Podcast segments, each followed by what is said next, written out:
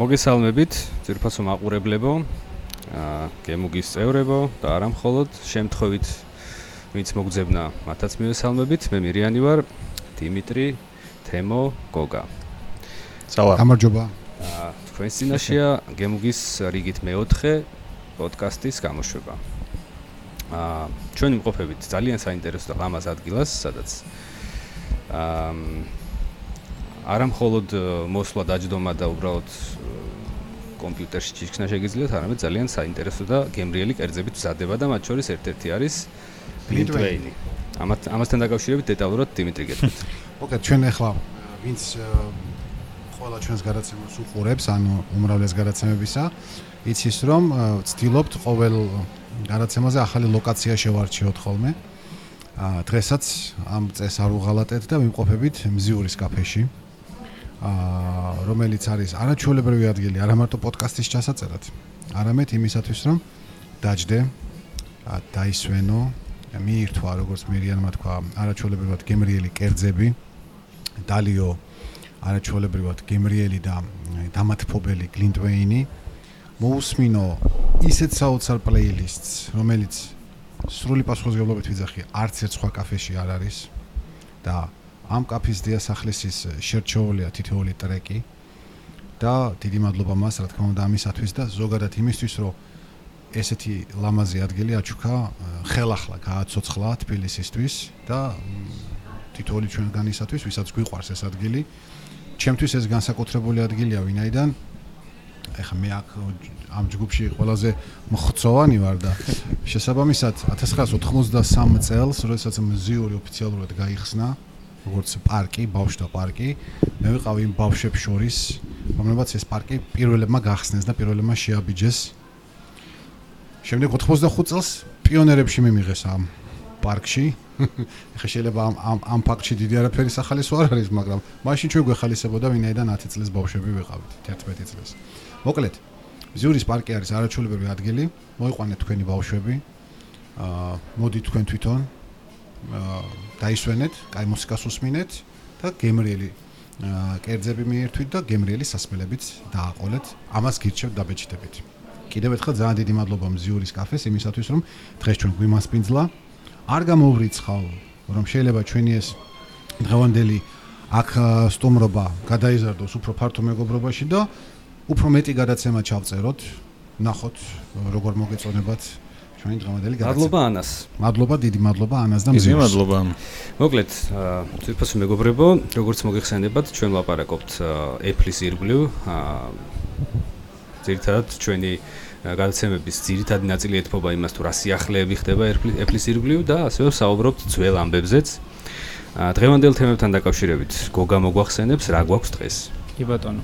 აა სანამ თემებს დავიწყებთ, მოდი ვთქვათ აი ამ უცნაური, ამ შემთხვევაში უცნაური ნივთის შესახებ, ეს არის სათევზაო. არ თქვა რა არის. აბა ვინ გამოიცნობს რა არის ეს? კომენტარებში გელოდებით. ხო, მოკლედ ამ რატომ დევს ამას გეტყვით? იმიტომ დევს რომ გავითვალისწინეთ ერთ-ერთი ჩვენი მომხარებლის რჩევა ოღონდ ნაწილობრივ. იყო ესეთი კომენტარი რომ მირიანს მიმართეს პირდაპირ რომ იქნებ მაგ MacBook-ის ნაცვლად ანკესი წაგეღო გადდემით. მოგითხარი რა. ამიტომ მინიშნებები არ იყოს თეთქი. ამიტომ ნაწილობრივ გავითვალისწინეთ და MacBook-ის არის და Anke-ის. ახლა უკვე ორივე ერთად. აა ეს არის MacBook-ი? ეი გამოიცნონ მოდი. აჰა. გავართულე. აი Anke-სან ერთი ნივთი გვიდევს და ვახსენოთ რომ ჩვენი სპონსორი არის. გიორგი გამარჯვებული. გიორგი. აა შაკულაშვილი, თუ სწორად ვკითხულობ. გიორგი, შენ მოიგი არაფერი. გილსა. აი, ესე გრანდიოზულად. მეორე გიორგისაც მივესალმებით. აი. მაშასე. კი ბატონო, დავიწყოთ თემებით. ცოტა ტემპი გვაკლია. პირველი, ხო, გავხურდებით ნელ-ნელა. პირველი მთავარი თემა, რა, საერთოდ მოდი ჩვენ ოთხში ვისაუბროთ, აი რა რომელს თulit რომელი იყო მთავარი თემა მთელი კვირის განმავლობაში. მე ჩამოვთვლი ეს იყო ეს იყო AirPods Pro მაგიური ყურსასმენი Apple-ის ახალი თაობის. აა ეს იყო Apple TV-ის სერვისი, რომელიც გაიშვა 1 ნოემბრიდან. Apple TV Plus. Apple TV Plus. კი ბატონო. რომელიც მომხარებელიც ამ აქ ორნი ხართ. როგორც ვიცი 4-დან ორნი ვართ ხართ და კიდევ ჰელოუინის თემები, სადაც Apple-იც ნაწილობრივ იყო ჩართული. Tim Cook-ის მინი მინი მინი ჩართულობა იყო. კი ბატონო. აა ხო და რაღაც პრობლემები Apple-ის სერვისებთან დაკავშირებით, რაზეც მე ვისაუბრებ მე.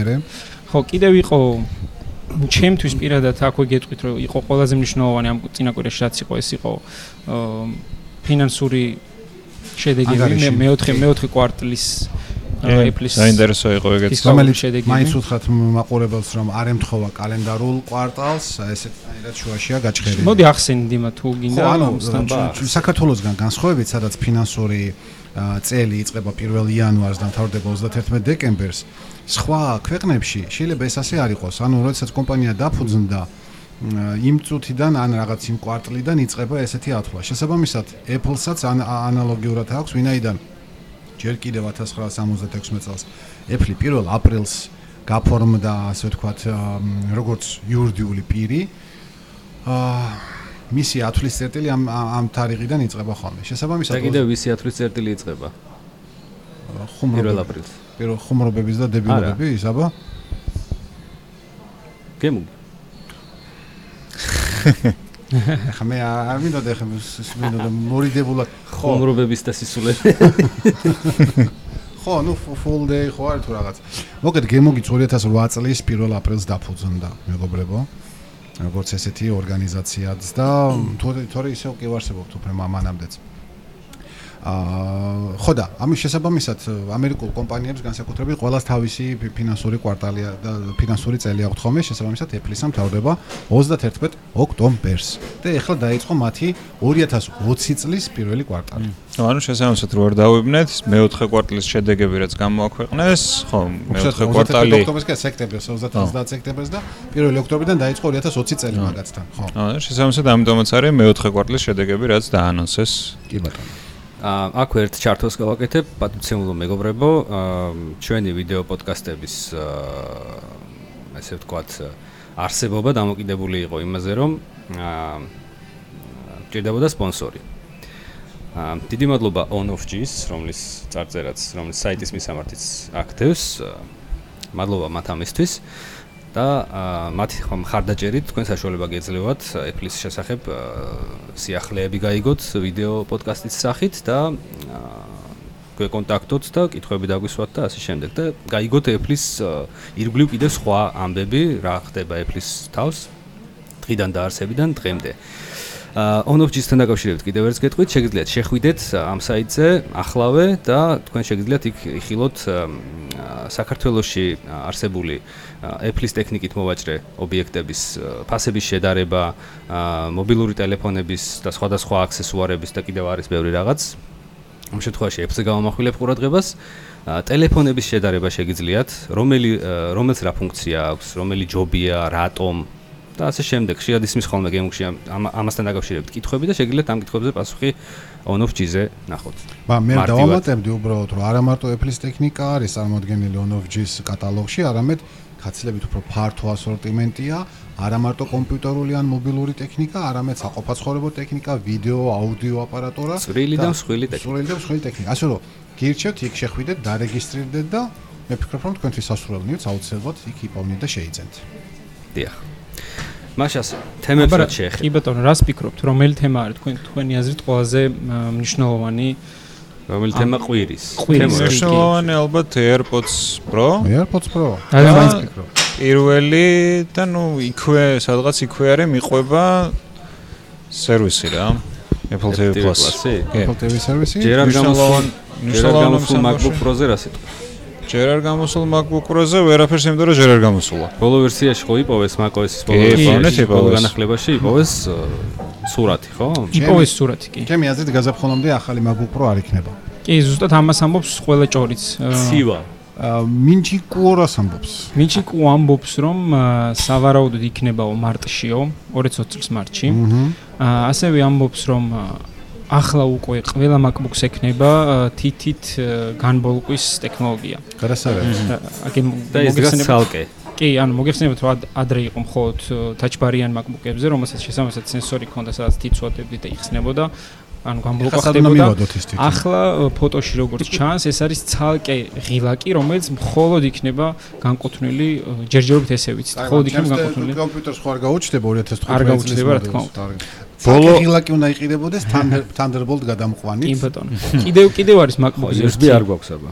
კიდევ არის MacBook ახალ MacBook-ს ერთი ჭორი ის რომ Apple-მა უკვეო შეუკვეთაო კომპანია Vistroni არის ესეთი რომ რომელმაც უნდა დაამზადოს ეს არის კლავიში კლავიატურის კომპანია რომელიც უკვე მუშაობს კლავიატურაზე MacBook-ისთვის რომელსაც ერქმევა მაკრატელა კლავიატურა შესანიშნავი. და ამაზე ნუ ეს კაი გავიგეთ როგორც ნიუსი მაგრამ მე მაქვს რაღაც მოსაზრება მაგრამ თქვენგან მაინტერესებს ძანე. რატომ რატომ ხდება ესე რომ Apple-ი ხშირ შემთხვევაში თითქოს ისეთ საქმეს რომელსაც მეტი გარჯა სჭირდება არაგონებრივი უფრო ფიზიკური ავალებს სხვა კომპანიებს რომ გააკეთონ ნუ აუთსორსინგი ზოგადად გავრცელებული თემაა, ხო? ჩვენც გვაქვს რაღაცები გატანილი აუთსორსინგზე, მაგალითად ჩვენ სერვერი არ გვიდგას, რომელზეც გემოგი საიტ ტრიალებს სადღაც ოფისში, არამედ სადღაც გერმანიაში ტრიალებს ჩვენი სერვერი, ხო?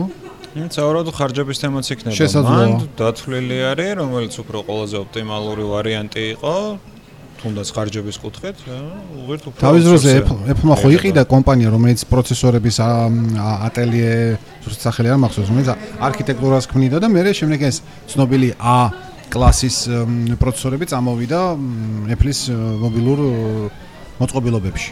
ესე მოხდა. მაი მე ხანდახან მიჩნდება ხოლმე განცდა რომ თითქოს Apple ყოველთვის იტოვებს ისეთ საქმეს თავისთვის რომელიც უფრო მეტად სასიამოვნოა ემოციურად მარკეტინგს, კი უფრო უფრო ამ კუთხის ვაუ ეფექტი რაღაცა.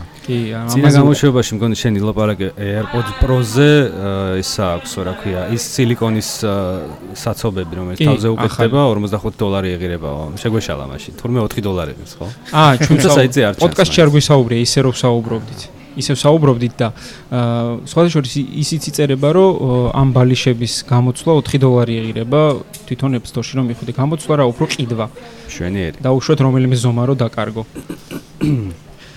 ხო მ, კაი დავიწყოთ მაშინ AirPods-ზე საუბარი პროზე დავიწყოთ არის თუ არა ეს ნამდვილად მაგიური ყურსასმენი ტექნოლოგიურად ნამდვილად ასე ჩანს ყოველ შემთხვევაში. ჯერ ჩვენ ხელთ არ ჩაგვარდნია, თუმცა იმეც ვიტოვებ, რომ უახლოეს რამდენიმე დღეში ეს ბედნიერება ჩვენს გვეწევა და აუცილებლად შემოგთავაზებ ძალიან კარგ და საინტერესო მიმოხილვას, რევიუს, მაგრამ ტექნოლოგიური თვალსაზრისით მოწყობილობა მე პირადად ძალიან მომეწონა.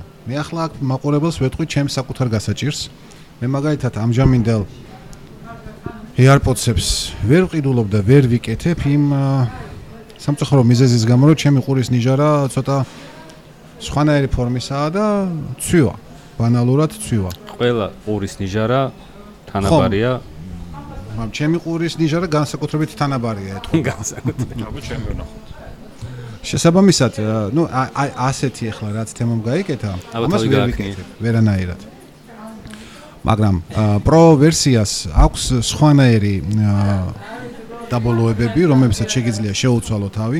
მე ზუსტად ახლა ეგეთი no name ყურსასმელი მაქვს, რომელიც ა, 17 დოლარი მივეცი Bluetooth ყურსასმელში და მშვენივრად ხმარობ. მაგრამ არ მინდა, იმიტომ იმას არ აქვს ის ფუნქციები, რაც თქვათ მე AirPods-ში მექნებოდა. აა ფასი არ მაშინებს. აა, ფსიქოლოგიურად ჩვენ მზათა ვართ ყოველთვის ესეთი კოშმარული ფასებისადმი. თავარია ეხლა მოვირგო ეს ყურები, ნახო თუ კარგად ჩემზე წავიდა. გონი გეშველა მოკლედ შესაძლოა მგონი მეშველა, კი. აა მე მ, 100% დარწმუნებული ვარ გეშველება, იმიტომ რომ არის Apple-ს აქვს სპეციალურად დამზადებული ეს სამივე ზომის რეზინები, რომელიც ალბათ მოიცავს აა, 7 მილიარდი ადამიანის ყურის დიამეტრებს. თუმცა არის ერთი თუმცა დიახ. შენ კი გესიამოვნება ეს ამბავი მაგრამ შენ ჯიბეს ესიამოვნება მე უკვე ვთქვი რომ მე მზად ვარ ასეთი შოკური ფასებისადმი, არა ადამიანური ფასებისადმი. ის რა არის? 250 დოლარი ამერიკული ფასი, ხო? კი. ხო და როგორც სავარაუდოდ ალბათ თავის განბაჟებიან მარჟიან ყველაფრიანად ალბათ 1000 ლარს 1000 ასწრებს ლარს. ერთ-ერთმა ქართულმა რესელერმა კომპანიამ არ დავასახელებ ჯერჯერობით სახელს, უკვე დადო პრესეილი 999 ლარი. ხო? კი, აჰა. კი. რა ღირსო თქვენთან iPod Pro- Pro-ებიო? ახალიო რა. 919 ლარიო და ბარემ 1000 ლარი დაგედოთო რა ფასიო და რა 1000 ლარიო კაცო ისე 1000 რა ისინი კი არ ვარ ხო? ვერ გავიგე. ხო მირიან შენ რას ფიქრობ თლიანად AirPods-ზე. დიმიტრის აზრი მოვისმინეთ. იყიდი შენ მაგას? არა. არა. და რატო იმიტომ რომ გავხსენე. მეორე თაობის ძალიან კარგად ვიყენებ. მუშაობს ავტონომიურ რეჟიმში 5 საათი დაახლოებით ესე უწერია მე არ გამომითვლია მაგრამ აა ვიყენებ ვიდეო მონტაჟისას. ძალიან ცირე დაყოვნება აქვს აუდიოში ისე რომ საერთოდ არ ეტყობა ანუ ვიდეო გამოსახულების დამონტაჟებისას გჭირდება პირდაპირ კავშირი ანუ შეყოვნების გარეშე დაყოვნების გარეშე ხმის გაგონება ხო რომ ხედავდე რას ამონტაჟებ ძალიან კარგად მუშაობს. მიმუშავია 3-4 საათი გადამულად პრობლემის გარეშე არ გაუჭედავს არაფერი. აა ანუ მაგმაყოფილებს მისი ყველა מחასიათებელი და უბრალოდ დამჭირდება ახალი. და ინეარის ინეარის მქონდა სხვა კომპანიის მაგრამ სამწუხაროდ ვერ გამოვიყენენ მის ჩემნია ყური უფრო თავისუფლად იყოს და როცა ეს AirPod გიკეთია ჩათვალე რომ არაფერი არ გიდევს ყურს შეიძლება დაგავიწყდეს კიდეც თუ მუსიკა არ გაქვს ჩართული ან რაღაც რამეს არ აკეთებ. ჩემთვის ძალიან კარგია, ძალიან მაგარია. ერთი იმას შემაწუხა რომ ნახევარი საათით ნაკლებ დროს მუშაობს, ვიდრე წინა თაობა. უფრო პატარა ეს noise ზომისაა cancel- რა noise cancellation-ის შემთხვევაშიო ხო noise cancellation-ი კარგია, მაგრამ არ მჭირდება. noise cancellation-ი ეთანხმები კი რაღაც მეც თქვენგან მანდ ვერ დაახლოებით დასწრებით, ვინ, არ მაწუხებს. თქვენ სამივე ხართ ავტომობილისტები და მანქანაში თქვენ თქვენი ასე ვთქვათ შიდა სამყარო გაქვთ მე ვარ მეტრომანი მეტროს ხმაური გინდა რომ დაახშო. ხო და სამწუხაროდ აი ეს ჩემი no name 17 დოლარიანი საცოდავი ყურსასმენები ვერაფერს ვერ ახშობენ და როდესაც მატ- მატარებელი გვირაბში მიდის არაფერი არ მესმის და გინდა იყოს ჩართული მუსიკა ან რაიმე გინდა სხვადასხვის სარეკლამო ვიდეო კლიპში, რომელიც ეფმა გამოუშვა, ნახს ერთ მომენტში ჩანს ეგეთი მან სადგურის გამოცხადების მოსმენა უნდა, ვისაც უკეთია რა და თიც მიადებ, გაიგონებ რა ხდება, მე ესე მიადებ, კი ბატონო გაჩუმდება. ზუსტად. აღარ მჭირდება 44 წელია მე- მე მეტროთ მგზავრობ და პირად ვიცი ტაიმინგი მაქვს გათვლილი ოქ კი კი ამა- ამაზე ტიმ კუკუმაც ბევრი ტვიტ ამაზეც გვაქვს ცალკე თემასავით როგორი აქტიური იყო ტიმ კუკი ტვიტერზე ამ ბოლო კვირის განმავლობაში ხლა რა თქმა უნდა იმიტომ რომ ძალიან ტრანსპორტი დატოვეთ სახლში და იმგზავრეთ საზოგადოებრივი ტრანსპორტით, ხო ასე თქვა? პირდაპირ. ფაქტიურად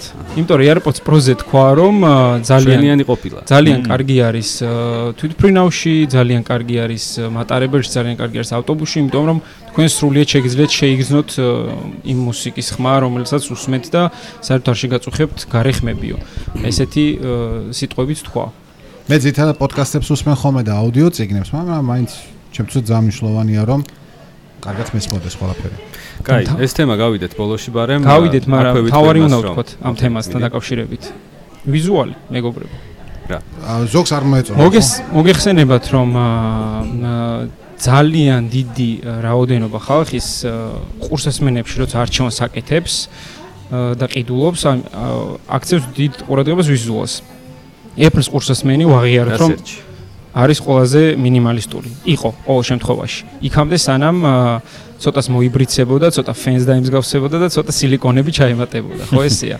მოდი გა- გავახაროთ ეს ხალხი და თქვათ რომ და ვაღიაროთ რომ ვიზუალი ის მინიმალისტური დაკარგულია. მიკრო ყანწს გავს, ხო ეხლა? კი. თუ ამოატრია. კი, მეც რას მაგონებს ბოდიში ერთ ყურის ფუთქუნა ჭხირები რომაა ხო იცი კი, კი, კი, კი, მეორე. ჭხირები ბავშვებისთვის უფრო აი თითქოს გადააჭრესო ბოლოები და ეს ბუთქუნები ბევრი გარჩავა პოკემონსაც გავს და ბევრი ვერსიები იყო რა რა გავს. გასკურა გამოუშვა ეხლა. არა, მ, ამ გასკურა 11 და გასკურა 11 პ- 11 Pro და 11 Pro Max. ანუ ისიც უნდა ვთქვათ, რომ ტექნოლოგიურად ეს დახვეწა შეუძლებელი, ამას ბევრჯერ ვისაუბრეთ, შეუძლებელი იქნებოდა, რომ არა ეს ვიზუალი.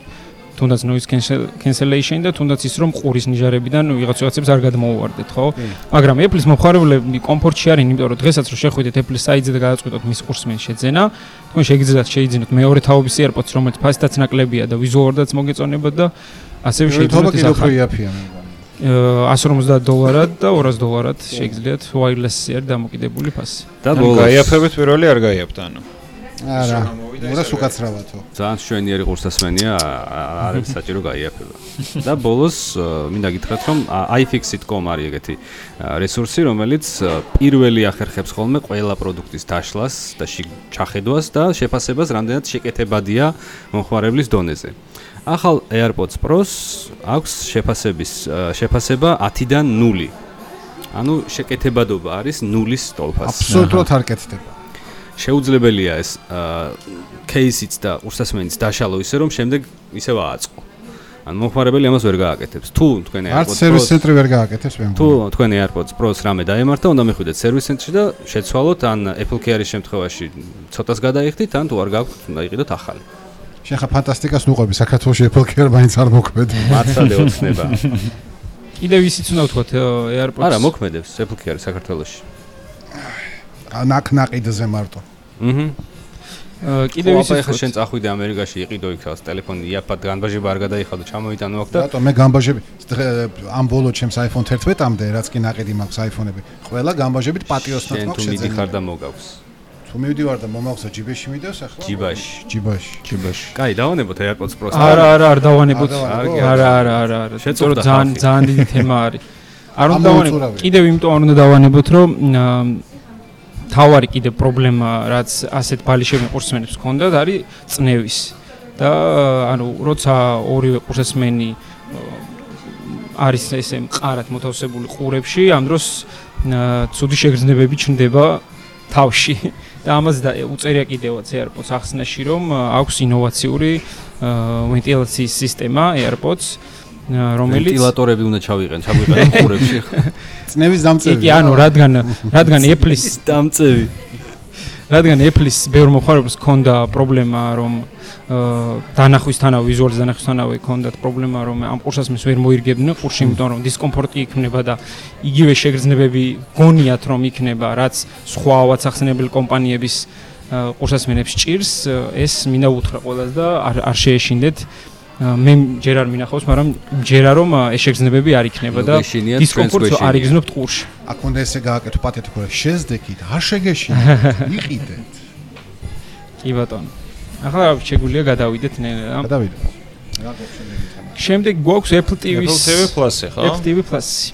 მე ბედნიერი მომხმარებელი ვარ უკვე 1 ნოემბრიდან, ვინაიდან როგორც იცით, მე შევიძინე რამდენიმე ხნის წინათ ახალი iPhone 11 და კომპანია Apple-მა გამოაცხადა, რომ ყველა ვისაც შეძენილი ექნებოდა წელს ახალი მოდელი, არა მარტო iPhone-ი აქვს საუბარი, არამედ MacBook-ი, ანუ კომპიუტერი, ტაბლეტი და ასე შემდეგ, მათ ერთი წლის განმავლობაში უფასოდ ჩაერთვებოდათ სერვისი. რაზეა საუბარი? ეს არის პრაქტიკულად HBO-ს, Hulu-ს, Netflix-ის კონკურენტი გაჩნდა კიდევ ერთი კომპანია, რომელიც გვთავაზობს მაღალ ხარისხოვან ტელესერიალებს, სატელევიზიო სერიალებს და ფილმებს. და ხელმოწერა, ყოველთვიური ხელმოწერა ჯდება 4 და 99, ну 5 დოლარი და მათ შორის ოჯახზეც ვრცელდება. ეხლა ეს უნდა ცოტა გავშალოთ. ეხლა რა ხდება? მე რატომ ჩამერთო ამ კითხვას, იმიტომ სვამ, ვინაიდან გემოქში შემოვიდა ესეთი კითხვასავით, რომ მეც ვიყიდე ერთ-ერთმა ჩვენმა გემოგის წევრმა დაწერა, რომ მეც მაქვს ახალი iPhone 11 და სამწუხაროდ ვერ ჩავფრთეო. პასუხობთ ამ ადამიანს და ასევე ყველა დანარჩენ მაყურებელს. საქმე იმაშია, რომ არ არის საკმარისი, რომ მარტო ახალი მოწყობილობა ქონდეთ შეძენილი. თქვენს Apple ID-ზე უნდა ქონდეთ მიბმული ამერიკული ბარათი. ანუ ეკ ანგარიში უნდა იყოს დასრულებული, სრულყოფილად უნდა იყოს შექმნილი. ან ან ან სასაჯუქრე ბარათი უნდა გაანაღდოთ ანგარიშზე და უნდა იქონიოთ ერთი თვის სააბონენტო სამყოფი მაინც. 5 დოლარი 5 დოლარიან gift card-ს იყიდით, გაინაღდებთ თქვენს Apple ID-ში ანგარიშზე და ამ შემთხვევაში Apple გამოწმებს, გაქვს თუ არა, ხარ თუ არა გადახდის უნარიანი, იმ თანხას არ წაგართმევთ, გექნებათ ანგარიშზე და ჩაგერთვებათ ის სერვისი, რომელიც გსურთ. და მირიანმა ჩართო და მას არ აქვს ამერიკული ბარათი მიბმული, მაგრამ მას არ აქვს შენახალი მოწყობილობა ხო? არა, მე ჩავშე დღიანი ტრაიალი ჩარტი ხო? ერთკვირიანი free trial-ი გამოსაცდელი. ეხლა შეიძლება კონტენტს. ჯერჯერობით სულ 3-4 სერიალია შეგინ დამატებული. ერთი არის რაღაც თანამედროვე დრამა სერიალი, ერთი არის კოსმოსურ თემებზე, ალტერნატიული რეალობა, სადაც საბჭოთა კავშირი პირველი დაждდა მთვარეზე და ამერიკელები ყურებ ჩამოყრილები არიან. ძალიან საინტერესო საყურებელია სხვათა შორის. კი, მეც დამაინტერესა ძალიან. ნამდვილ ასტრონავტებზე და იმათ სახელებია გამოყენებული. ერთი არის ჯეისონ მომოა თამაშობს ჩვენი ძვირფასი დროგო აა ველურებზე ახო სი ქვია სამცხო ჯერ არ მიყურებია მაგ კაცი მთა კაცი მთა უფრო ის არის დუეინი დუეინ ჯონსონი ძვირფასი მოტოლეპელი დუეინი რას ლაპარაკობ? ხო. ჩემნაირი სვერინგით შენაირი რომონბაძა ამან ხო ხო რომონბაძა კაცო. და კიდე კიდე რა ვიცი? ხო და რაც ყველაზე მთავარია რაც ყველაზე მთავარია ჯერ არ გამოსულა და ყველა აზიმოვის მოყარულს გილოცავთ წინასწარ და იმეც ვიტოვებ რომ კარგი გამოვა. აზიმოვის ერთ-ერთი ყველაზე მაგარი აა sci-fi ციგნების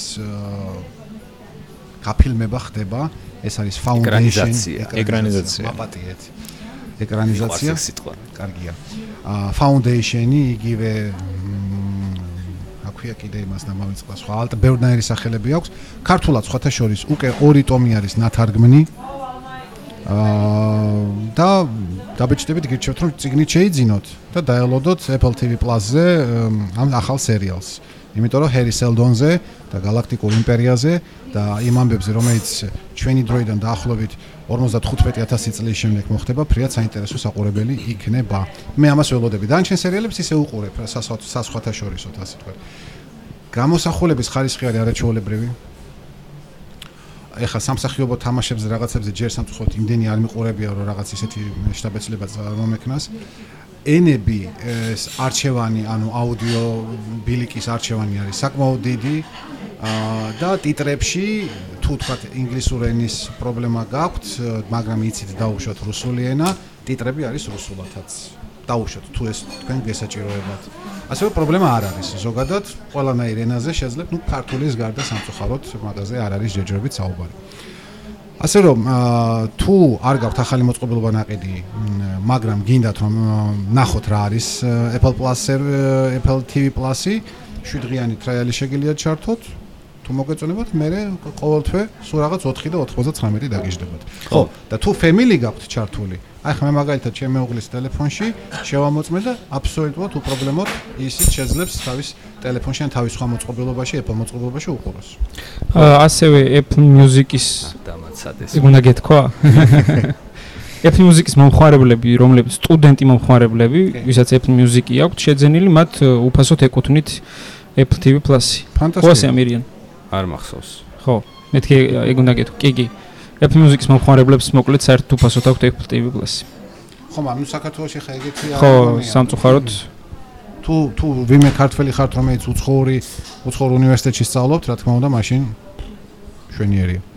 ხო, რაც შეეხება კონტენტს, Apple-ის კონტენტი გექნებათ იმ 4.99-ად, ანუ რასაც იხდით ყოველთვიურად და დამატებით თუ გნებავთ მაგალითად HBO, CBS-ი, Showtime-ი და ასე შემდეგ და ასე შემდეგ, სხვა და სხვა კომპანიების კონტენტი ეს რა თქმა უნდა დამატებით ხარც საჭირო. მაგრამ Netflix-ი არ იქნება იმიტომ რომ Netflix-ი და Apple ერთმანეთთან ცოტათი ვერ ძოვენ და ხო არა Netflix-მა არ მისცა კონტენტის ჩამატების უფლება ამ სერვისში არც ჭირდება Netflix-ი ჩვენ ვირად არის თბილად არის თავისთვის.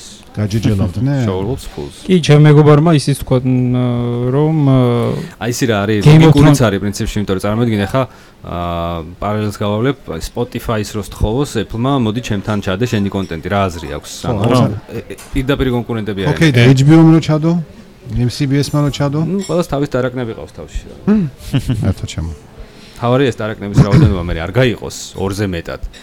სამი ან მეტი არ გახდეს, თორემ მე რო დასხებენ ერთმანეთს ყოფდები იქ რა. ტრისას, ტრისას. ნუ პრინციპში სერვისი იდეაში ახალია, თუმცა ფასი არის ყველაზე დაბალი, ხო? აბსოლუტურად. ყველაზე დაბალი ფასია. Hulu და Netflix-იც 9.99-ია თუ არა მეტიც ხა მე სამაგიეროდ სამაგიეროდ იქ კონტენტი ბევრად მეტია. კონტენტი მეტია მაგითო თქვი რა ნუ ჯერ ახალია მაგრამ შესაძლოა შეიუსება კონტენტით როგორც ანონსებენ იქნება საკმაოდ ისეთი კარგი კონტენტი ანუ კაი მოლოდინები არის ამ ყველა TV show-ზეც და აა ორჯერ ნაკლები ეფასი რა ცოტა უსაურე Apple-ისგან. Apple საკმაოდ დიდი თანხის ჩადებას აპირებს ამ საქმეში, ყოველწლიურად რამდენიმე მილიარდი დოლარის დახარჯვას აპირებს, რომ რაც შეიძლება მეტი ბრავალფეროვანი კონტენტი გამოუშვეს. Apple-ის ახალ სერვისებთან დაკავშირებით კიდევ გავიხსენოთ ახალი Apple Arcade, სადაც ამ წინა ღონისძიებაზე წარმოგიდგინა Apple-მა.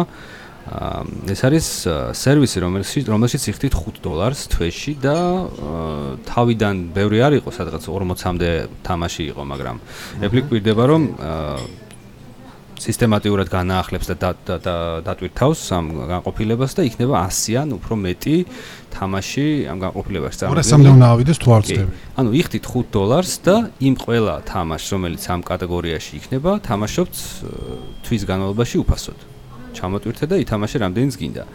აა ბევრი უნიკალური თამაშია მხოლოდ აქ წარმოდგენილი ექსკლუზიურად Apple-ის Arcade-ში და არის ესეთი თამაშებიც, რომლებიც სხვაგანაც არის წარმოდგენილი, მაგრამ შედის ამ კატალოგში, ასე რომ ვთქვათ.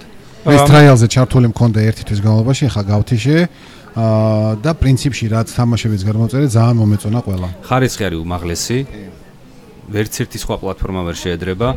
აა უნიკალურია ჩემი აზრით და სხვაგან არსად არ არის გავსი გამეორებული. კი, ძალიან დიდი შექება მოყვა ექსპერტებისგანაც Arcade-ის სერვისს, რადგან ყველაზე მნიშვნელოვანი მანდის არის, რომ მომხმარებლები ვინც თამაშებს ხშირად იწერენ App Store-დან და ყიდულობენ განსაკუთრებით, მათთვის არის ძალიან კარგი, იმიტომ რომ 5 დოლარად დაახლოებით 200-300 დოლარის ღირებულების თამაშების თამაში შეგიძლიათ.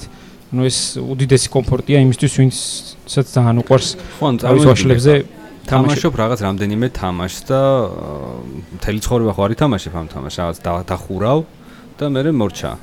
სხვა სხვა რა თამაშებ შენი ტელეფონით? ოჯახის წევრები კაი ითამაშეთ თელმა ოჯახმა ბავშვებმა დასრულებმაც მაგრამ დაამთავრე თამაში ხო და აღარ გჭირდება. ან პირად საკუთრებაში აპლიკაცია მაინც არ გადმოდის შენთან. შენ როცა აპლიკაციაში იხდი ფულს და ის იყიდე შეისყიდე ის მაინც ეფლის საკუთრებაა შენ გაქვს დროების არგებობაში მანამ სანამ ეფლის პროდუქტებს იყენებ. იმას ვერსად ვერ წაიღებ.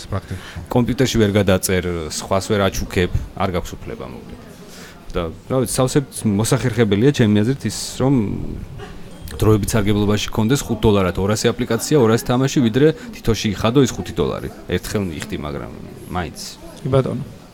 დავიწერეთ ახლა წინ? Apple TV-დან ნელი სანამ თამაშების ერთი მინდა რაც Apple საერთოდ არ ეხება მეგობრებო Diablo 4 მოდის ყველას გილოცავთ ვისაც ეს გიყვარდა ვისაც ეს გეხებათ მიკტროფი გააკეთე წადია. ეხიც მივარტყა კარი. კამერა წაგვიქციე.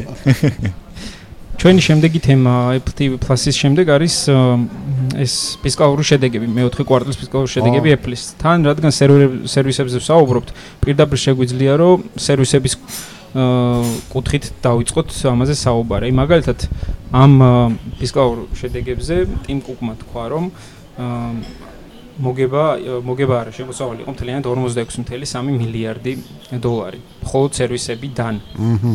მხოლოდ სერვისებიდან. და წინაწლი მატულობს. კი ბატონო, წინაწლის ორან 2018 წლის ზუსტად ამ დროის შედეგებს რო შევადაროთ, ეს არის 6.2 მილიარდით უფრო მეტი. ანუ 2018 წლის მეოთხე კვარტალის შედეგებზე სერვისებიდან ეფს ქონდა შემოსავალი 40 40 მილიარდი და ახლა აქვს უკვე 46.2 მილიარდი.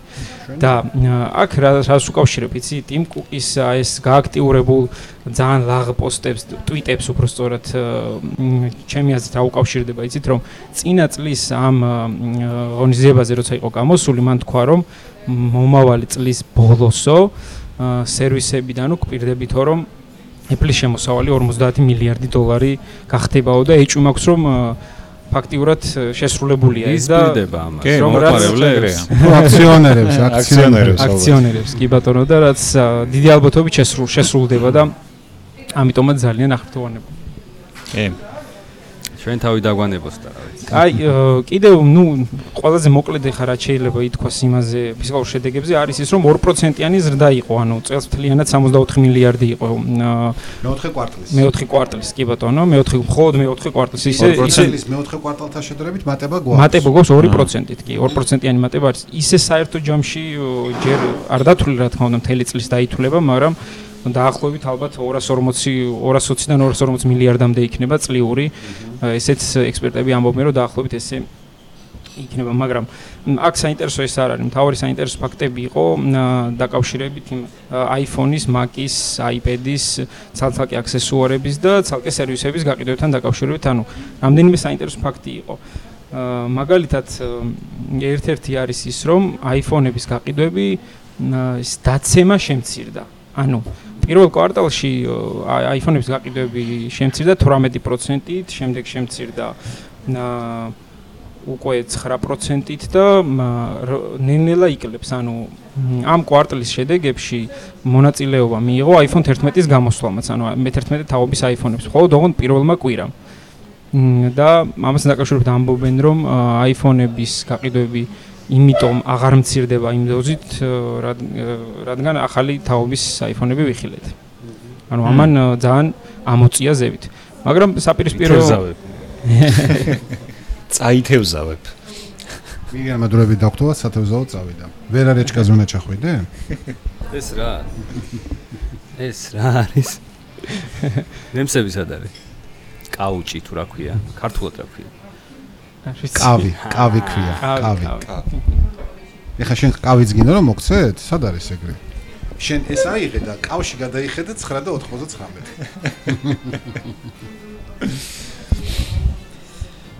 ხო, ანუ ჩვენ განვაგზოთ მილიონერები და ბატონო. ანუ ფაქტი ის არის, რომ iPhone-ის და Mac-ის გაყიდვები დაეცა. მაგრამ აა iPhone-ის გაყიდვები ნელ-ნელა ამოიფაჩება, იმიტომ რომ გაიაფდა iPhone 10 არის ასევე გამოვიდა iPhone 11 რომელიც 700 დოლარი ღირს და ანუ შეიძლება გაზაფხულზე ვიხილოთ ვიხილოთ iPhone SE2. კი, არის ამის შანსიც, რომ SE2 ამიტომ iPhone-ების გაყიდვების ჩავარდნის აღმოფხრა ნელ-ნელა ხდება. მაგრამ საპირისპირო სიტუაცია არის iPad-ებზე, რაც ძალიან მნიშვნელოვანია და საინტერესო, იმიტომ რომ iPad-ების გაყიდვების პრობლემა მუდმივად იყო და ექსპერტები iPad-ების გაყიდვების და Mac-ის გაყიდვების დანაკლებობას უკავშირებენ ერთმანეთს, იმიტომ რომ მოგეხსენებათ iPad Pro-ს ისე როგორც კომპიუტერს თითქმის ისე ხმარობს მოხმარებლის უმეტესობა, ვინც iPad Pro-ს იყენებს. აი მეც სადღაც ალბათ 2-3 კვირაში გადავალ iPad Pro-ზე, გვემექნება 11-იანი და აი საინტერესოა ცალკე ექსპერიმენტის სახით მე გემუქს მოუყვებით დიდი სტატიის ან რევიუს სახით. როგორ მოახერხა დიმიტრი გოგელიამ კომპიუტერის ჩანაცვლება iPad Pro-ში. ან ვერ მოახერხა news flash shut up and take my money. Shut up shut up ამას გარდა უნდა ვთქვათ ის რომ მოიმატა ძალიან გაიზარდა Apple Watch-ის და სხვა დანარჩენი აქსესუარების გაყიდვები 50%-იანი ზრდა დაფიქსირდა, iPad-ებზე დაფიქსირდა 17%-იანი ზრდა, სერვისებზე დაფიქსირდა 6 მილიარდი და 200 მილიონიანი ზრდა. მოიტო ჩემო. მოკლედ ის გეგმები რაც Apple-ს ჰქონდა, ნელ-ნელა სრულდება ამ წელს, ანხორციელებს ამ წელში, მოკლედ კარგად ასრულებს სამ წელს. ნუ მოკლედ რა ვთქვა, შედეგების ხრივ არ უჩევიან. ჩვენ ვულოცოთ რა თქმა უნდა Apple-ის აქციონერებს ამ ყველაფერს, იმიტომ რომ პირველ რიგში მათ უნდა გაუხარდეთ. კი ბატონო, ნამდვილად ნამდვილად. ჩვენ რა ვქნათ ჩვენ? ჩვენ ალბათ აქციები უნდა ვიყიდოთ, რომ ჩვენს გაგვიხარდეს მე რა. ამას გარდა ბოლოს სანამ დაასრულებდა ტიმი ამ ღონისძიებას, თქვა რომ iPhone 11-ის გაყიდვები რეკორდულად მიმდინარეობს. On 11-ზე არია გამახვილებული ყურადღება უფრო. 11 იყიდება ყველაზე მეტი და თქვა რომ ისე სწრაფად მიმდინარეობს რომ ამაშიც სახალ რეკორდს დავაფიქსირებთო აი ეს პირობებს არ გვეუბნება რაოდენობრივ ციფრებს. ხო, რაოდენობრივ ციფრებს არ გვეუბნება, მაგრამ გვეუბნება იმას, რომ თლიანად შემოსავლების 52% მაინც iPhone-იდან შემოვიდა. ამ თლიანად ამ 64 მილიარდიდან, რომელიც მეოთხე კვარტალში დაფიქსირდა, 52% არის iPhone-ისგან, 20% არის სერვისებისგან და მე დანარჩენი ნაწილდება უკვე iPad-ზე, Apple Watch-ზე და დანარჩენ აქსესუარებზე. გოგა, შენ რა სიტყვია? ჩვენ პარასკევს გემოგში გამოვაქვეყნეთ გემოგის საიზე ერთი სტატია. აა რომელიც სათავე იყო თუ ზუსტად მახსოვს რატომ უნდა შეწყვიტოს Apple-მა iPhone-ის გამოშვება. ხო? ყოველწლიურად. ყოველწლიურად. ანუ სტატიაში ესეთი ანალიტიკური საკითხი იყო განხილული, რომ და აი ჩვენ სმენელებსაც და მაყურებლებსაც მინდა რომ ვკითხოთ აზრი. პირველ რიგში ნახეთ სტატია აუცილებლად. აა არის მოსაზრება რომ თვითონ hardware-ული ნაწილი, გინდა ტელეფონისა, გინდა კომპიუტერისა, გინდა ტაბლეტისა, იმდენად თანამედროვე ეპოქაში იმდენად ძლიერია და საკმაოდ დიდ პარამეტრების მატარებელი, რომ ყოველწლიურად ტელეფონის გამოცვლას აზრი ეკარგება. თუ თქვა პირველი iPhone-ის, მეორე iPhone 3G, 3GS-ის, 4-ის გამოსვლისას იმდენად მასშტაბური სიახლეები ემატებოდა ხოლმე ტელეფონს რომ თუ მას სჭირდებოდა რეალურად ახალი პროცესორი მეტი მეხსიერება და ასე შემდეგ ასე შემდეგ და რეალურად მართლა კარგი იყო თუ გამოცვლიდი ტელეფონს და მიიღებდი ახალ experience. ეხლა უკვე მაგალითად გინდა მირიანის iPhone 10s Max-ი გინდა ვთქვათ iPhone 10R შარშანდელი მოდელი. თითქმის პრაქტიკულად არაფით არ ჩაუმოვარდება წლევანდელ წელს გამოსულ მოდელებს, ну თუ თქვათ იმ კამერის მოდულს არ არ ავიღებთ, რომელიც ოკეი, კაი, რაღაცა ახალი night mode აქვს, ახალ რაღაც ისინი აქვს გემრიელობები, მაგრამ დანარჩენში წარმადობის თვალსაზრისით ერთი და იგივეა პრინციპში.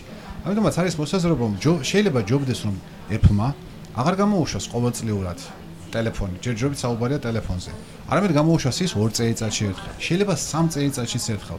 სამაგიეროდ ამ 3 წლის, ამ 2 წლის განმავლობაში მომხმარებელი, ვისაც უნდა რომ მიიღოს ახალი ფიჩები, ახალი სიახლეები, უკვე ტელეფონში კი არ გადაიხადოს ყოველწლიურად ის 999 დოლარი ან 699, არამედ გაცლებით ნაკლებად თქვა 59 და 99-ად iOS-ის ორი ვერსია არსებობდეს. ერთი უფასო, რომელშიც უბრალოდ security უსაფრთხოება, სტაბილურობა და რაღაცა ყველა მომხმარებელს ეს კონდეს. ამაში ფულს არ უნდა იხდიდეს ადამიანი ცხადია. ხოლო ფიჩები შეიძლება გადავიდეს, როგორც აპლიკაციებში არის in-app purchase-ები, ხო, დამატებითი ფუნქცია. შეიძლება აპლიკაცია გადმოწერო App Store-დან და მას მინიმალური საბაზისო შესაძლებლობები გააჩნია, მაგრამ რაღაცა საინტერესო ფიშკა, ან ფიშკები უკვე ფასიღებს. ხო? ყოველთვიურად ან ერჯერადად.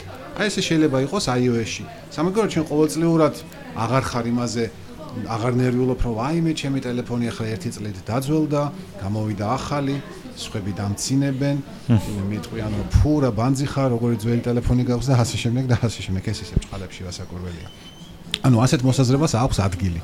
და ჩვენ ჩვენი მაყურებლების აზრი გვაინტერესებს ასაკული, რამდენად ეთანხმებიან იმ მოსაზრებას, რომ შეიძლება თქვა ტელეფონი ყოველწლიურად აღარ გამოუშვოთ. მარტო apps არ ეხება. იქნება ეს Google-მაც ესე გააკეთოს, Samsung-მაც ესე გააკეთოს. აა ჩინურმა ბრენდებმაც ესე გააკეთო. ნუ მე დაანჩერებაც მიბაძო. აი ესეთია მოსაზრება. ხო, მე მგონი მაკეთ მაკეთ მივიდივართ. არ გამოვრიცხ. წავიდეთ მაკეთ ნელ-ნელა კი არის მაგის შანსი. აა მე ფიქრობ მაგას მე და მირიანებაც ვისაუბრეთ ერთ-ერთ პოდკასტში რომ ტექნოლოგიების რაღაც ნაკლებობა არის, ინოვაციების ნაკლებობა არის. არის. იგრძნობა მთლიანად, არ მხოლოდ Apple-ში ზოგადად მთლიანად სამაზე არის Apple-ის მომხმარებლები ალბათ არ დაგეთანხმებიან. მმ, არ ვიცი, ალბათ, ალბათ. იქ ყოველთვის არის ინოვაცია და ჩვენთან არასოდეს არის ინოვაცია.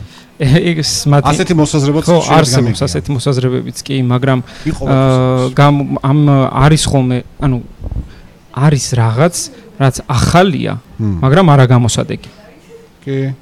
აი აი ეს ერევათ ხოლმე იმაში რომ ამბობენ ჩემი აზრით ვინც ამას ამბობს რომ ჩვენთან ინოვაცია არის და თქვენთან 323 კაცი გამოიყენებს მთელ მსოფლიოში, ჯერ არნიშნავს იმას, რომ დანარჩენი რამდენიმე მილიარდი ადამიანიც ამას გამოიყენებს. ეგ არის ზუსტად განსხვავება ინოვაციურ ტექნოლოგიას და ინოვაციურ პროდუქტს შორის.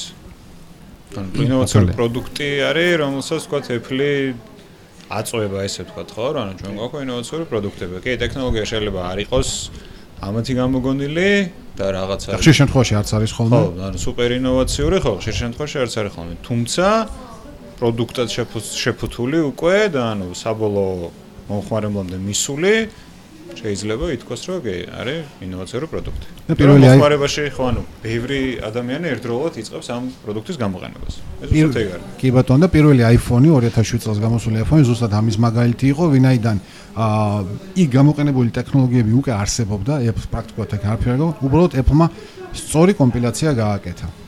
ყველაფერი შეეკრება ერთ ადგილას, ერთ წერტილში და მიიღო ზუსტად ის პროდუქტი, რომელზეც მოახდინა შემდეგ სწორება მთელმა მობილურმა სამყარომ. კი ბატონო. მათ შორის Google-ის Android-იც, რომელიც თავიდან ღილაკებიანი უნდა ყოფილიყო და BlackBerry-ს უნდა დამსგავსებოდა და ახლობით ანუ BlackBerry-ზე აკეთებდა სწორებას. სასწრაფო წესით მე გადააკეთეს და მთლიანად სენსორული ეკრანით შეცვალეს. ეხა ამ ამ წუთას დავფიქრდი ამაზე და კიდევ რამ გამოიწვია იცით ჩემი აზრით qovotsliurad iPhone-ს არ განახლება ალბათ იმან რომ თვითონ Apple-საც არ ქონდა ადრე ამდენი პროდუქტი ხო, ეხა ბევრი პროდუქტია. კი, ანუ Apple არ მომწონს მაინც და მაინც. აა ნახეთ როგორ არის მოგეხსენებთ რომ Apple-ის მომხმარებლების ძალიან დიდი ნაწილი პროდუქციას უფრო ემოციური კუთხით უყურებს. თვითონ კომპანია რაც არის, ალბათ და ამაში ბევრი დამეთახება, სოფლიოში ყველაზე ემოციურად გამსჭოლული კომპანია არის Apple. ბატონო. აი მაგალითად სერვისებში რო არსებობდეს YouTube-ის პროდუქტები და არა მხოლოდ იყოს digital მგონია რომ მასეთი ან პოპულარული კომპანიების მხრი მხრი და ანუ მათთვისაც მასად მათაც ეყოლებათ ისეთ მოხარებლები ვინც ემოციურად იქნებიან არა ყველა კომპანიას ხავს თავისთვის ემოციური შენ შენ Samsung-ის მოხარებლები უნდა ფანები უნდა ნახო არანაირი უარყოფითი კონოტაციით ამას არ ვიძახი არავითარ შემთხვევაში უბრალოდ როდესაც მე ეს ხალხი ვნახე მე მივხვდი რომ თურმე ჩვენ საერთოდ ფანობა არ გვწოდნია ხო ნუ ესეთი ესეთი ფანი ყველა მომხარებელს ხავს Samsung-ს მე მგონი ყველაზე უფრო აქტიური ფანი მე არ გისმენდით. ხო ყველა მომხარებელს ხავს ესეთი პატარა ტექნიკური ხარვეზი გვაქვს ხმარია ცდენდი ვიდეოს და ეს ჩვენი ბრალი არ არის ეს არის Facebook-ის ბრალი და ვისაც მოდის გიხდით. მარკ მარკ ცუკენბერგსაც შევეხოთ მაშინ მაგას აღარ უნდა შეხება ეხებიან ისე რა. ხო და რაზე დავფიქრდი რომ ანუ Apple-ის მომხმარებლები ხშირად აი ამ ემოციურ ფონს იმშვიდებენ ხოლმე სხვა სხვა პროდუქტებით. ანუ მაგალითად მეც მიფიქრია ასეთი რაღაცა, როცა როცა მინდოდა რომ Apple-ის რაღაც პროდუქტი ახალი შემეძინა და შევიძინე მაგალითად AirPods-ი, ჩემი აი ეს ემოციური რაღაც დაწყნარდა. ცოტა ხნით დაუშვიდდი. მიხდი რაც გულისხმობ. ანუ ადრე აი მხოლოდ iPhone, უფრო iPhone-ზე იყო. iPhone-ი მაკი, iPhone-ი მაკზე იყო დამოკიდებულების მოხარებულების აი ეს ემოციური ფონი. ახლა Apple Watch-ს იყიდიან, iPad-ს იყიდიან, iPad-ს რომელიც მაგალითად 120 ხო, რაღაც 330 დოლარი იღირს სულ რაღაც. iPad-ები ძალიან გაიაფთა. და ამით ამ ემოციურ ფონს იმშვიდებენ ხოლმე. ბევრი საშუალება გახდა. იქ სერვის შეიძენენ. Apple-ის სერვისს და ამით ამით მოიკლავენ ამ ემოციურ ფონს, რომ Apple-ის მომხმარებელია.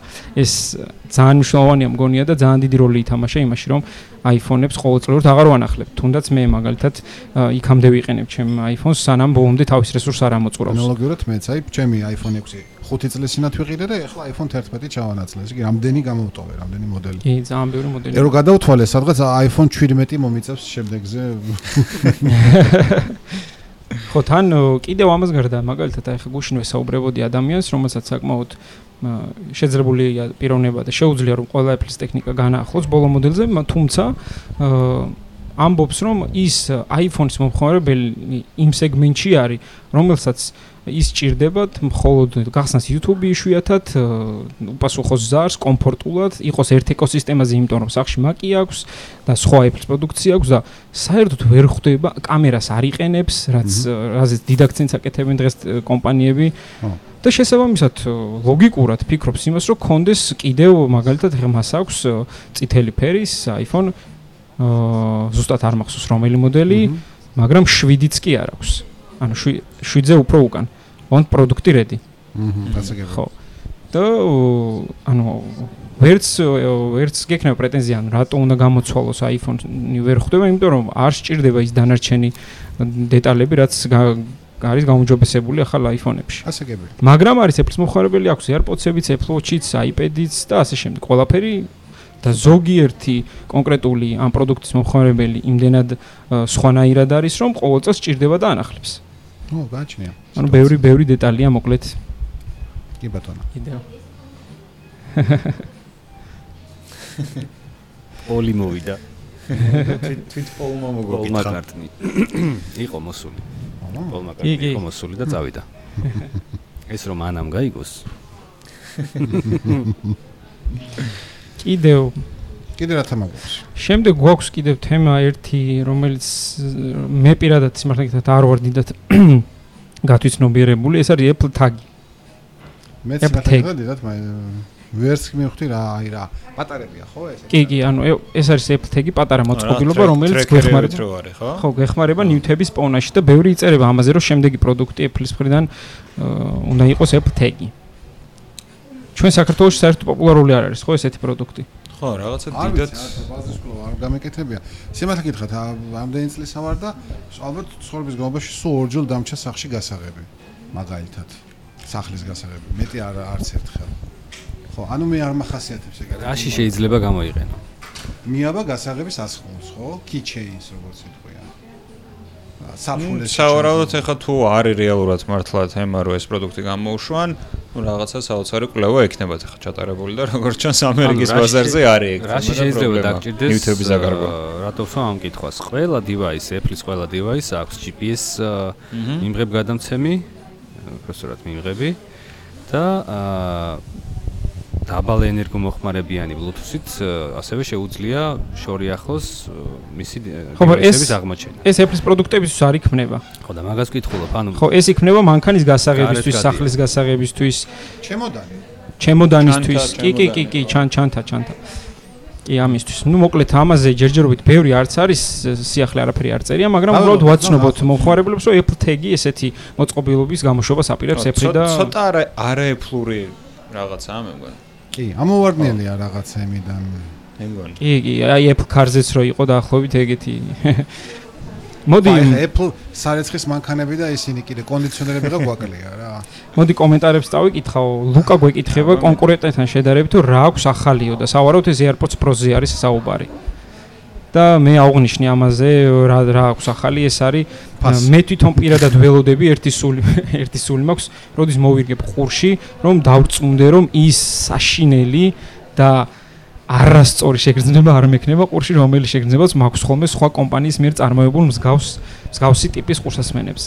და ამაზე წერს Apple თავისაიძე რომ აქვს ამ AirPods სპეციალური ვენტილაცია, რომელიც ინოვაციურია და არც ერთ სხვა კომპანიას არ აქვს და თქვენ არ შეგექმნებათ პრობლემა.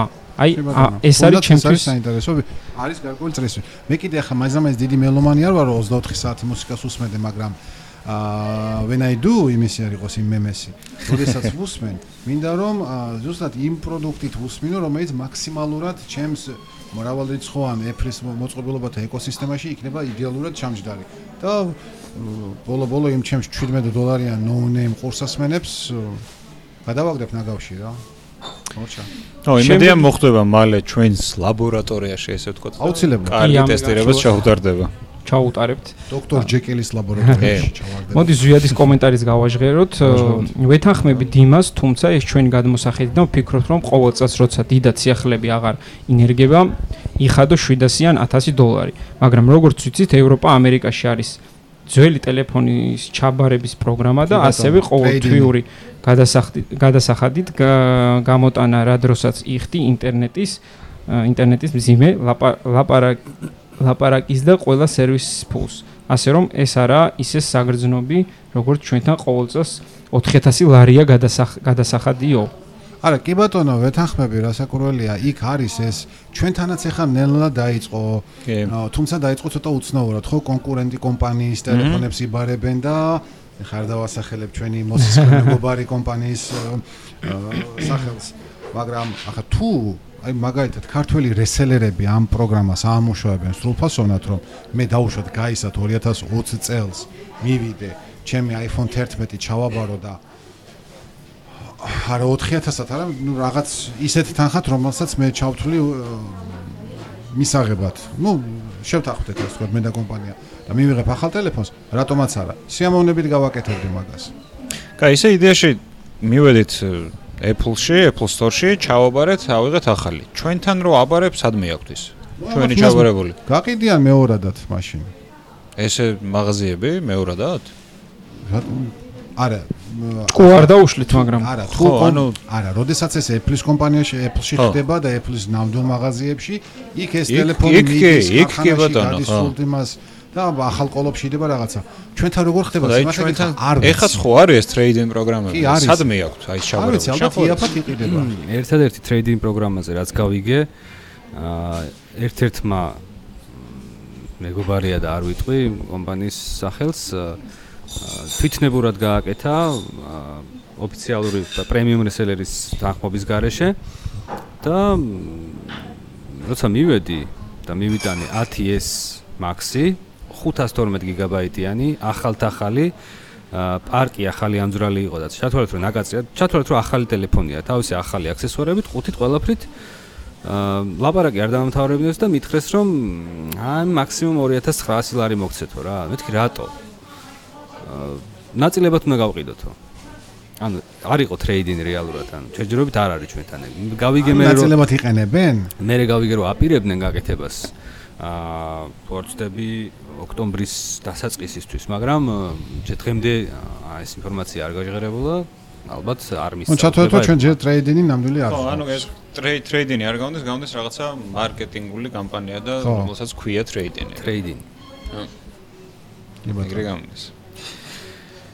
მეგობრებო, ჩვენი დრო იწურება. ხო, ნელ შეგვიძლია ბოლოს გავიდეთ, უბრალოდ ერთი აღნიშნოთ ის, რომ წინა პოდკასტზე არ გვითქვამს ის, რომ iPod-ის და დაბადების დღე იყო, ანუ 19 წელი გავიდა, რაც ის წარმოგვიდგინა Steve Steve Jobs-მა.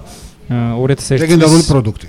24 ოქტომბერს წარმოგვიდგინა Steve-მა ეს პროდუქტი. მე შემიძლია ერთი გავიხსენო ერთი დიალოგი Steve-ისა და მისი ქალიშვილის ლისასი. iPod-თან დაკავშირებით, როცა Steve-მა დაინახა რომ მისი შვილი უსმენდა იძველებური დიდი რაღაც არ ვიცი უფრო შენ გეცოდინე მაგრამ იმას რა ერქვა არც ვიცი. ვოქმენ კასეტა იდებოდა კასეტა იდებოდა და უთხრა რომ უბრალოდ დაინახა. ეს მხატვრულად ასე არის წიგნში ყოველ შემთხვევაში ასე წერია რომ დაინახა და უთხრა რომ მე შენს მაგ პლეილისტშიო ჩავდებო 500 ან 1000 მუსიკასო სიმღერასო და ვერ ვიტან როცა რაღაც აგურისავით კასეტები გიჭირავს. ესე დიალოგი იყო. და ზუსტად ეს იყო 2-3 წლით ადრე ვიდრე სანამ გამოუშვებდა. უკვე 2001 წელს წარმოგიდგინა iPod Nano. Nano იყო პირველი? თუ just iPod, just iPod. Just iPod. იყო. და ეს იყო წელი, როცა გავიგეთ რისთვის გამოიყენება ჯინსის შარვალზე ის პატარა ჯიბი, რომელიც ჯიბის შიგნით. ხო, ამაზე ეს ისე უყარ უყარდა სტივს ეს წარმოგვიდგინა, რომ ჯინსის პატარა ჯიბიდან ვიდეოც დავდეთ ჩვენ პეიჯზე, ამოიღო პირდაპირ ეს უბრალოდ როგორ ეტეოდა iPod. აი, ვეძებე, ვეძებე გამოსავალი, რისთვის შეიძლება გამოვიყენო ეს ჯიბი, თურმე რისთვის ყოფილაო. ხო. ან ჯერ გამოიგონეს აი, მეგობრებო, ხო არ გეშლება. ჯიბიდან ამოიღო და არა არა სანთებელას ჯიბიდან ამოიღო, არამედ ეგ მერე იყო, ეგ იყო უკვე iPod Nano რო გამოვიდა მაშინ თან. აი, ეგ შემდეგი პირველი კლასიკი არ ეტევა. თავისთავად ეგ ეგ ეგ სხვა სანთებელა ეტევა მარტო. ხო, ან პირველი თაობა არ წარმოუდგენია ეგრე კი. აა, ის ჯიბიდან ამოიღო. ავირიეთ. ამ რეალურად ეს იყო მუსიკალურ სფეროში და მუსიკალურ დამკვრელების პლეიერების სფეროში ნამდვილი გადატრიალება, ნამდვილი რევოლუცია. რომელიც ძირულად შეცვალა სამყარო. კი, ესე იყო ნამდვილად. კარგი, დავასრულეთ ხო? ამ პოზიტიურ ნოტაზე დავასრულოთ ჩვენ დღევანდელი მეოთხე. ხო, მაინც Steve Jobs-ის თემით ვასრულებთ ხოლმე ჩვენ პოდკასტებს და მე მგონი ყველაზე ყველაზე სწორი დასრულება არის და Steve-ით ვამთავრებთ ბატონო. ხო, პოლიკლონიონი. ესე იგი ეს იყო გემუგის მეოთხე პოდკასტი. დიახ. მადლობა ვინც გვიყურეთ. ძირებ ტექნიკური ხარვეზისთვის ბოდიშგიხტი. ჩვენი ბრალი არ არის. შემდეგში აუცილებლად ვიზრუნებ იმაზე, რომ ის პროგრამა, რომელთაც ეხეთერში გავდივართ, აღარ გამოვიყენო. გაბრაზებული ვარ ამ პროგრამაზე ისედაც. დიდი მადლობა ყურადღებისთვის. თემებს აღარ ჩამოვთვლი, შეგიძლიათ ჩვენი პოდკასტის ჩანაწერი ნახოთ YouTube-ზე, ჩვენ გემუგის არხზე, ასევე Facebook-ზე დარჩება თუ არა ამას მე გადავწყვეტ Spotify-ში, Apple Apple-ის პოდკასტში და კიდევ და Google Google პოდკასტში. Google პოდკასტში ჩვენ მეგობრებს თუ კიდევ ვინმეს გაქვთ ისეთი პოდკასტების მოსასმენი პლატფორმა, სადაც უსმენთ და ჩვენ არ ვართ დამატებული, მოგწერეთ და ჩვენ განვიხილავთ და შესაძლოა იქაც დავამატოთ. კი ბატონო, დაელოდეთ შემდეგ კვირის და პოდკასტის მეხუთე გადაცემას. ახლა დროებით